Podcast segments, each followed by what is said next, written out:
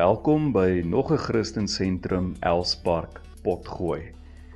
Vir meer inligting kan jy na ons webtuiste of Facebook bladsy toe gaan.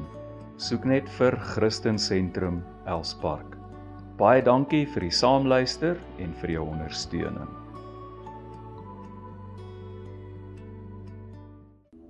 Ons kom nou by die woord van die Here. Um ons almal glo dat Jesus koning is. Uh en met koningskap gaan heerskappy gepaard. Uh maar sien ons dit regtig rondom ons? So vandag praat ons so 'n bietjie oor Jesus is koning, maar en, en ek wil hê ons moet saam lees uit Hebreërs hoofstuk 10 uh net 4 verse, verse 11 tot 13 en ek haal dit vir ons aan uit die 2014 proefvertaling. Vers 11 sê elke priester staan wel dag vir dag en diens doen en bring oor en oor dieselfde offers wat nooit in staat is om sondes weg te neem nie. Vers 12 Maar toe Christus vir altyd een offer ter wille van sondes gebring het, het hy aan die regterhand van God gaan sit. En dan vers 13, eintlik net 3 verse. Sedertdien wag hy totdat sy vyande 'n voetbank vir sy voete gemaak word. En dis waarna ons kyk vandag, hierdie enigmatiese stelling totdat sy vyande 'n voetbank vir sy voete gemaak word. Nou in uh in ons vorige boodskap het ons gepraat oor al die verskillende offers. Offers wat oor en oor en jaar na jaar gebring is. En ons het gesien dat juis hierdie eindelose herhaling van al hierdie offers die bewys is dat al hierdie Ou Testamentiese offers, die offers van die ou verbond mense nie regtig tot volmaaktheid kon bring nie. Dat hierdie offers God nooit regtig tevrede gestel het nie. Ons het in die verlede gesê dit was eintlik maar net skadu wees van wat sou kom. Ons moet eintlik in hierdie offers maar net die belofte sien van wat sou kom. Wat sou kom? Die offer wat God uiteindelik tevrede gestel is gebring deur die enigste hoëpriester wat nooit nodig gehad het om eers vir sy eie sondes te offer voordat hy kon voortgaan om vir die volk se sondes te offer nie. Hy het nie nodig gehad om eers vir sy eie sondes te offer nie, want hy was sondeloos. Hy is die enigste een, kan ons maar sê, die enigste Adam van die eerste Adam af. Die eerste Adam, die eerste mens wat volkome gehoorsaam aan God was. En daarom kon hy as hoëpriester sy eie lewe, sy eie volmaakte sondelose lewe kon hy offer. En omdat dit die offer is wat God volkome tevrede gestel het. Die offer wat God aanvaar het, was sy offer eenmalig, eens en vir altyd. Nie meer nodig om te vergeefs oor en oor te offer, offers te bring, die een na die ander, jaar na jaar. Dit was die einde. Jesus se offer was die einde van al die offers van die ou verbond. Sy eenmalige offer is vir ewig en altyd geldig vir enige persoon, enige mens wat hom as sy of haar hoëpriester. Hy is ons hoëpriester. As jy hom as jou hoëpriester bely, sy offer was vir eens en vir altyd vir jou en dit bly vir eens en vir altyd geldig. En hierdie afgehandelde werk van Jesus word ongelooflik pragtig gedemonstreer uh met 'n woordspel wat ons in die eerste twee verse wat ons gelees het, verse 11 en vers 12 kry. Kom ons kyk net op vers 11. In vers 11 lees ons dat die priesters van die ou verbond, let op, die priesters van die ou verbond dag vir dag moes wat? Staan. Elke dag moes hulle staan om diens te doen. En dan kom ons by vers 12. Kyk na die woordspel hier.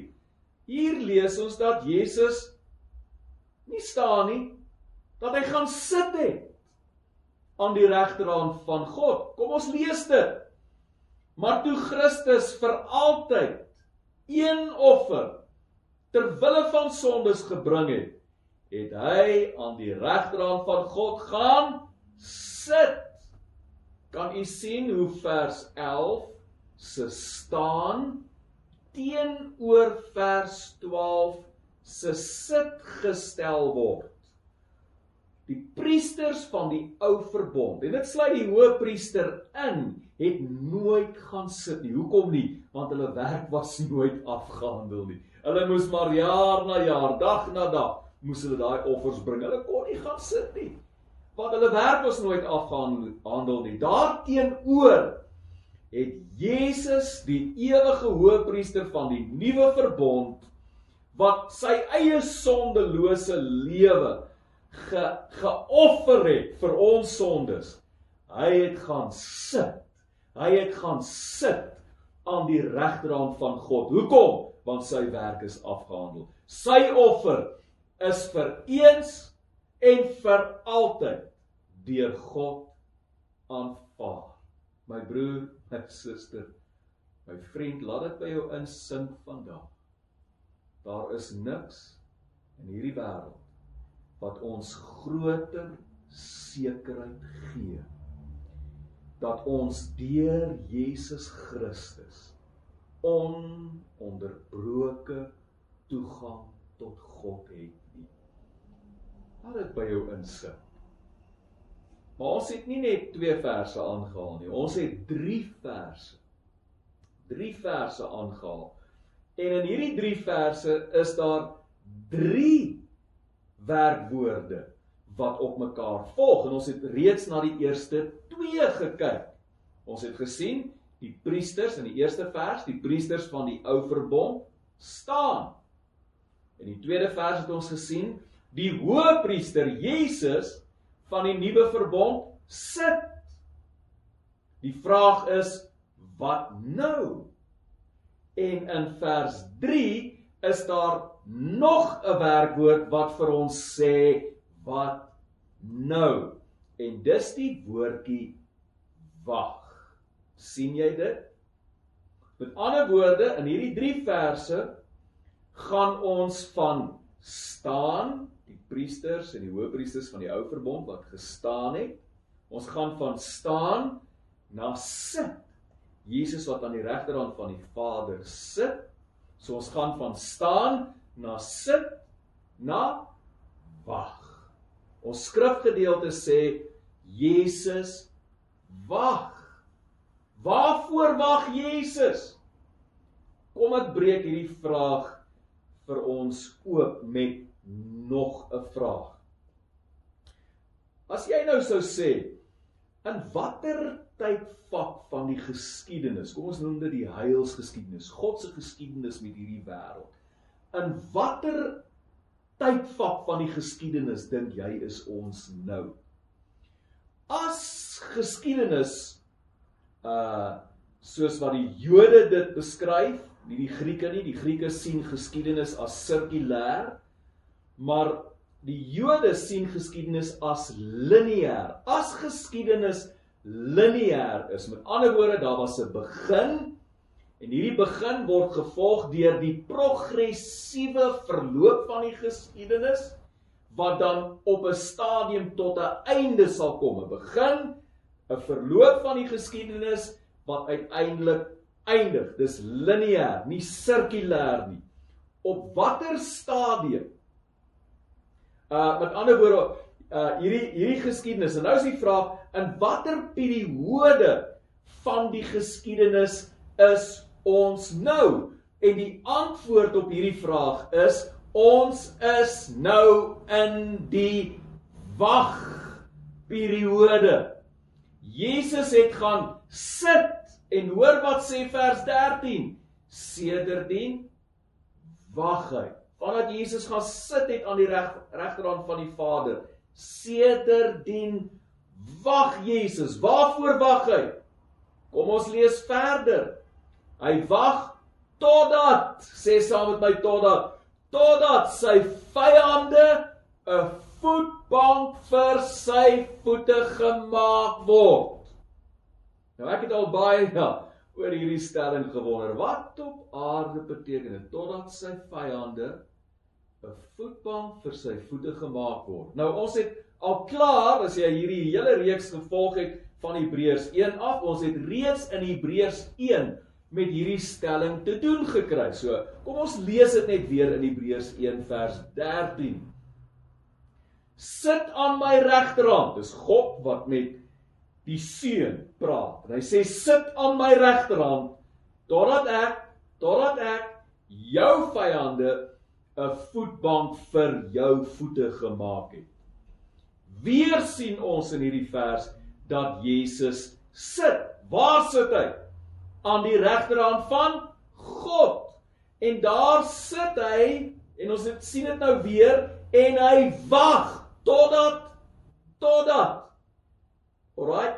En in hierdie vers sien ons wie dit is wat Jesus se vyande 'n voetbank van sy voete gaan maak. Wie is dit? Dis God self wat dit gaan doen. Wag totdat ek jou vyande sê God die Vader vir die Seun. Dis God self wat dit gaan doen. So Jesus wag totdat God sy vyande 'n voetbank vir sy voete sal maak. Nou hierdie uh hierdie uitdrukking, 'n voetbank vir sy voete. Wat beteken dit? Dit beteken bloot dat al Jesus se vyande onder sy voete sal wees. Jou destydse konings het dikwels hulle voete op hulle vyande se nekke gesit om te wys dat hulle hulle vyand oorwin het. As jy jou vyand oorwin het as 'n koning, dan sit jy jou voet op jou vyand se nek om te wys jy is nou onder my voet. En dit is waarvoor Jesus wag. Ons kry uh uh uh of hier ten minste hierdie aanhaling uit Hebreërs 1 vers 13 wat ons sopas aangehaal het is eintlik 'n aanhaling van 'n Psalm van Dawid, Psalm 110. En as jy Psalm 110 gaan lees, dan besef jy hierdie Psalm, in hierdie Psalm uh sien jy iets van Dawid se lewe. Ons kry 'n kykie in Dawid se Psalm. Alraai.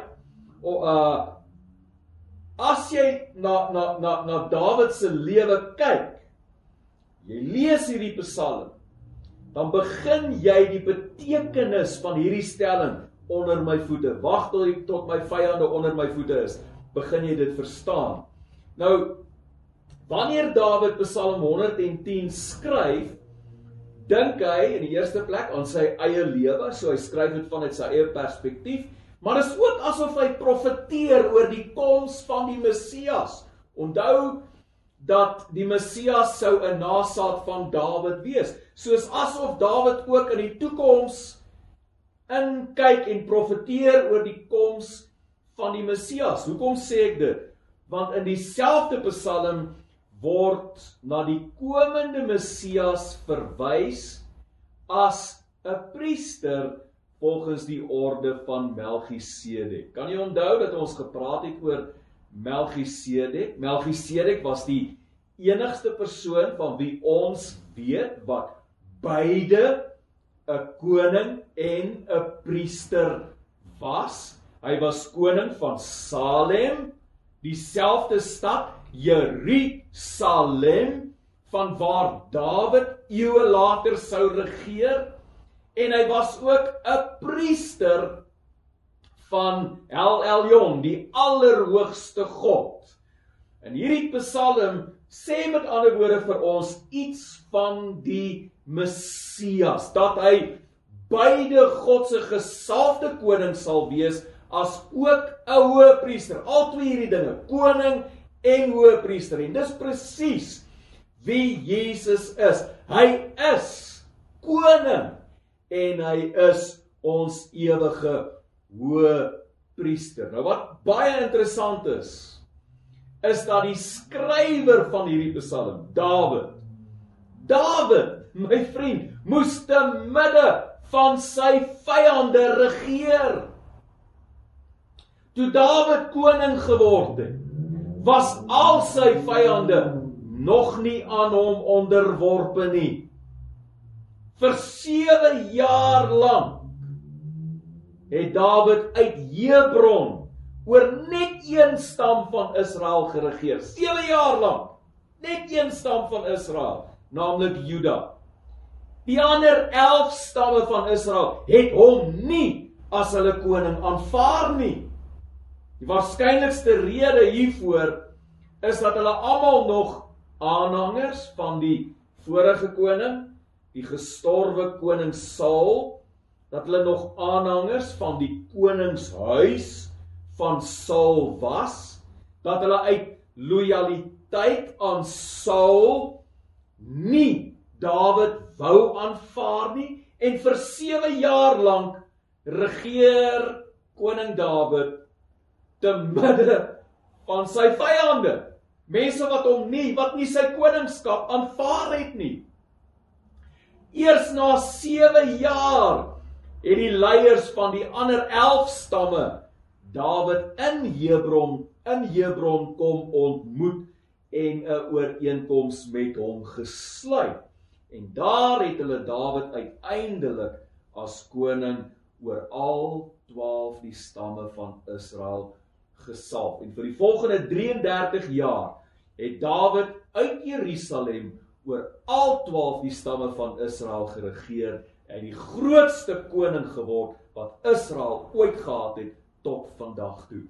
En hierin, my broer, my suster, my vriend, is Dawid die volmaakte antitipe van Jesus Christus, die seun van Dawid. Jesus, die seun van Dawid. Uh, ons sien iets van Jesus in Dawid se ervaring. Ja, Jesus is reeds koning. Hy sit reeds aan die regterhand van God as koning. Reeds is hy koning.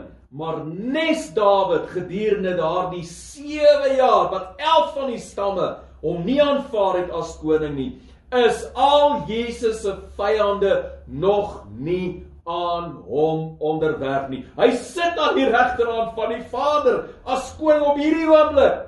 Ek en jy bely hom as ons Here, maar hoor mooi, net soos met Dawid is al Jesus se vyande nog nie aan hom onderworpe nie en kan ons sê Jesus regeer te midde van sy vyande. En ons begin die implikasie hiervan verstaan as ons Hebreërs 2 vers 8 lees en ek haal dit vir jou aan. Luister mooi. Deur alles aan Jesus te onderwerp, het God immers niks oorgeslaan wat nie aan Jesus onderworpe is nie. Maar hoor wat sê hy nou? Nou sien ons egter nog nie op hierdie oomblik sien ons egter nog nie dat alles, dat alles aan Jesus onderwerp is nie.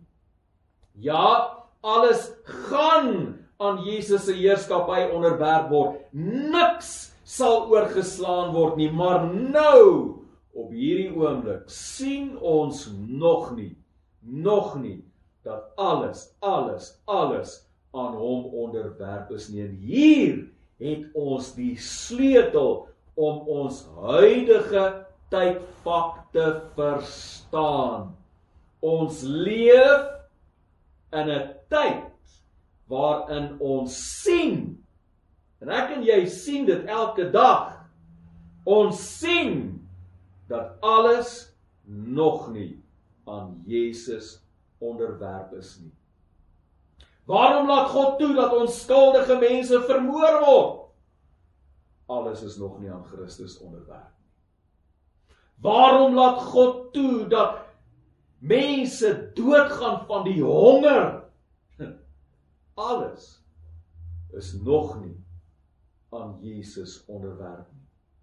Waarom laat God toe dat goeie gelowige mense sterf aan kanker? My broer, alles is nog nie aan Christus onderwerp. Maar nou sien ons, sê hierdie skrifgedeelte. Ons sien dit dat alles nog nie aan hom onderworpe is nie. Dis hoekom Jesus ons leer om te bid, laat u koninkryk kom. Met ander woorde, laat die tyd kom wanneer alles volkome aan Jesus se heerskappy, aan sy koningskap onderworpe sal wees. Nou daar's twee sleutelgedeeltes wat vir ons 'n idee gee wat presies dit is wat nog nie volkome aan Jesus se heerskappy onderwerp is nie. Die eerste een is Psalm 110 self, die Psalm wat ons uit aangehaal het vroeër. Ons kan maar net na een van die verse kyk, daar's ander wat dit ook aandui in hierdie selfde Psalm, maar vers 6 sê vir ons onder die nasies voltrek hy die vonnis. Dis vol lyke. Nou dit klink verskriklik, né? Maar as jy mooi dink daaroor, in hierdie vers is daar sprake van twee goed. Daar's sprake van nasies en daar's sprake van 'n vonnis. En dit laat my onmiddellik dink aan die sogenaamde dag van die Here. Die groot oordeelsdag. Die groot oordeelsdag wanneer al die nasies gaan lees Jesus se profetiese rede in Matteus as ook in Lukas en ander gedeeltes. Die groot oordeelsdag wanneer al die nasies tot verantwoording geroep sal word. En hieruit lei ons af, my broer my suster, dat die hele mensdom nog nie aan Jesus onderworpe is nie. Wanneer sal dit gebeur? eers wanneer hy weer kom by sy wederkoms. Is dit nie so nie? Ons sien dit. Almal is beslis nie op hierdie oomblik onderworpe aan Jesus nie, absoluut. As jy dit nie rondom jou kan sien nie, is jy blind. Daar's niks, hoor my, daar's niks niks in hierdie wêreld wat meer pyn, lyding en verwoesting in hierdie wêreld veroorsaak as 'n mensdom, as mense wat nog nie aan Jesus onderworpe is. Niks. Die tweede een, so ons weet klaar, daar's nasies, daar's mense, die grootste meerderheid meerderheid van die mensdom is nog nie aan Jesus onderworpe nie. Maar daar's 'n tweede ding wat nog nie aan hom volkome aan hom onderworpe is nie en dis 1 Korintiërs Uh, ons kry dit in 1 Korintiërs 15 vers 54. En ek haal dit vir jou aan. Dis Paulus wat hier skryf en hy sê: "En wanneer hierdie verganklike met onverganklikheid en hierdie sterflike met onsterflikheid bekleë word, dan sal die woord wat geskryf staan vervul word: Die dood is verslind in oorwinning." Ja, Jesus het uit die dood opgestaan. Hy het die dood oorwin en die Bybel praat van hom as die eersgeborene uit die dood. Nou as Jesus die eersgeborene is, die eerste een is wat uit die dood opgestaan het, dan beteken dit by implikasie dat hy die eerste een is van baie wat gaan volg en ook uit die dood gaan opstaan. Met ander woorde, in Jesus, in Christus het die opstanding uit die dood alreeds begin, maar hier's die sleutel. Dit het alreeds begin in Christus wat uit die dood opgestaan het. Maar dis nog nie afgehandel nie. Dis nog nie afgehandel nie. Mense, mense sterf nog steeds. Ons het nog nie gesien dat mense uit die dood uit opstaan met verheerlikte liggame nie. Uh, ons sien dit vir al die laaste paar maande het ons skok na skok beleef. Mense wat ons vir die grootste deel van ons lewens geken het, wat skielik net dood is, gesterf het. En broer, suster, my vriend, die dood het baie gestaltes. Die dood gooi 'n donker skadu weer oor die hele wêreld.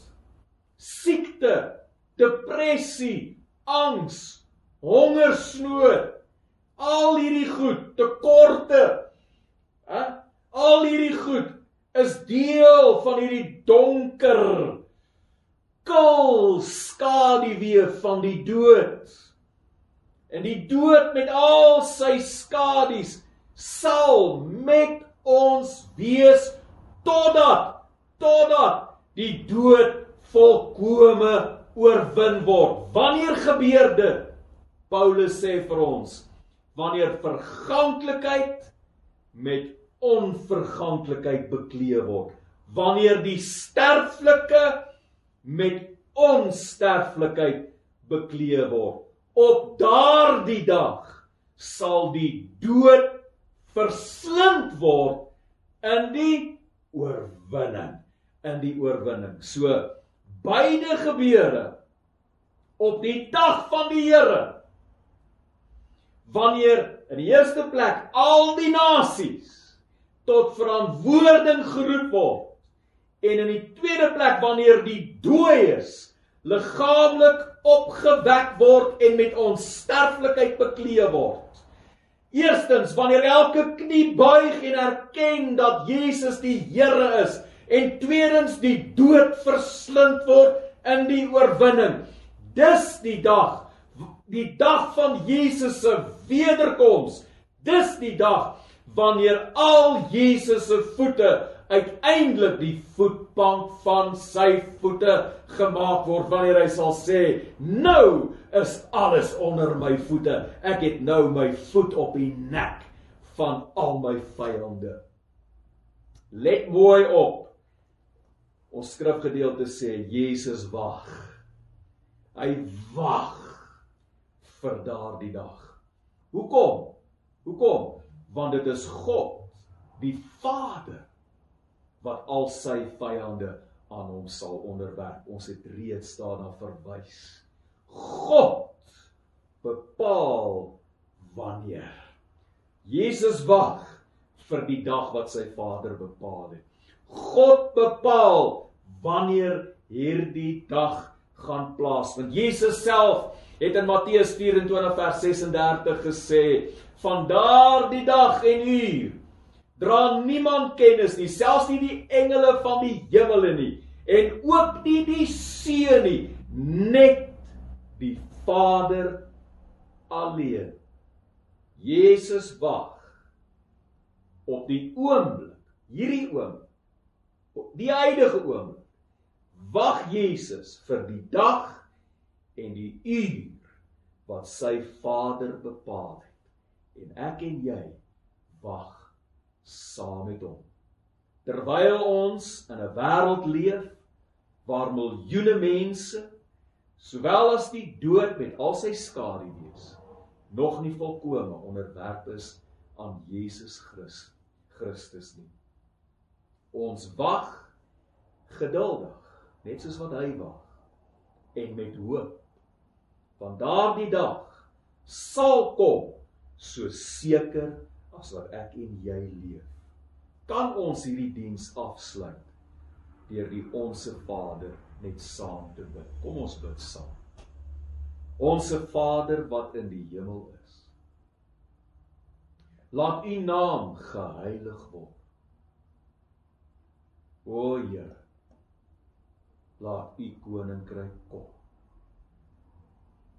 Laat U wil geskied, soos in die hemel so ook op die aarde. Gee ons vandag ons daaglikse brood. Vergeef ons ons skulde, soos ons ook ons skuldenaars vergeef. Lei ons nie in versoeking nie, maar verlos ons van die bose. Want aan U behoort die koninkryk en die krag en die heerlikheid tot in ewigheid. Amen.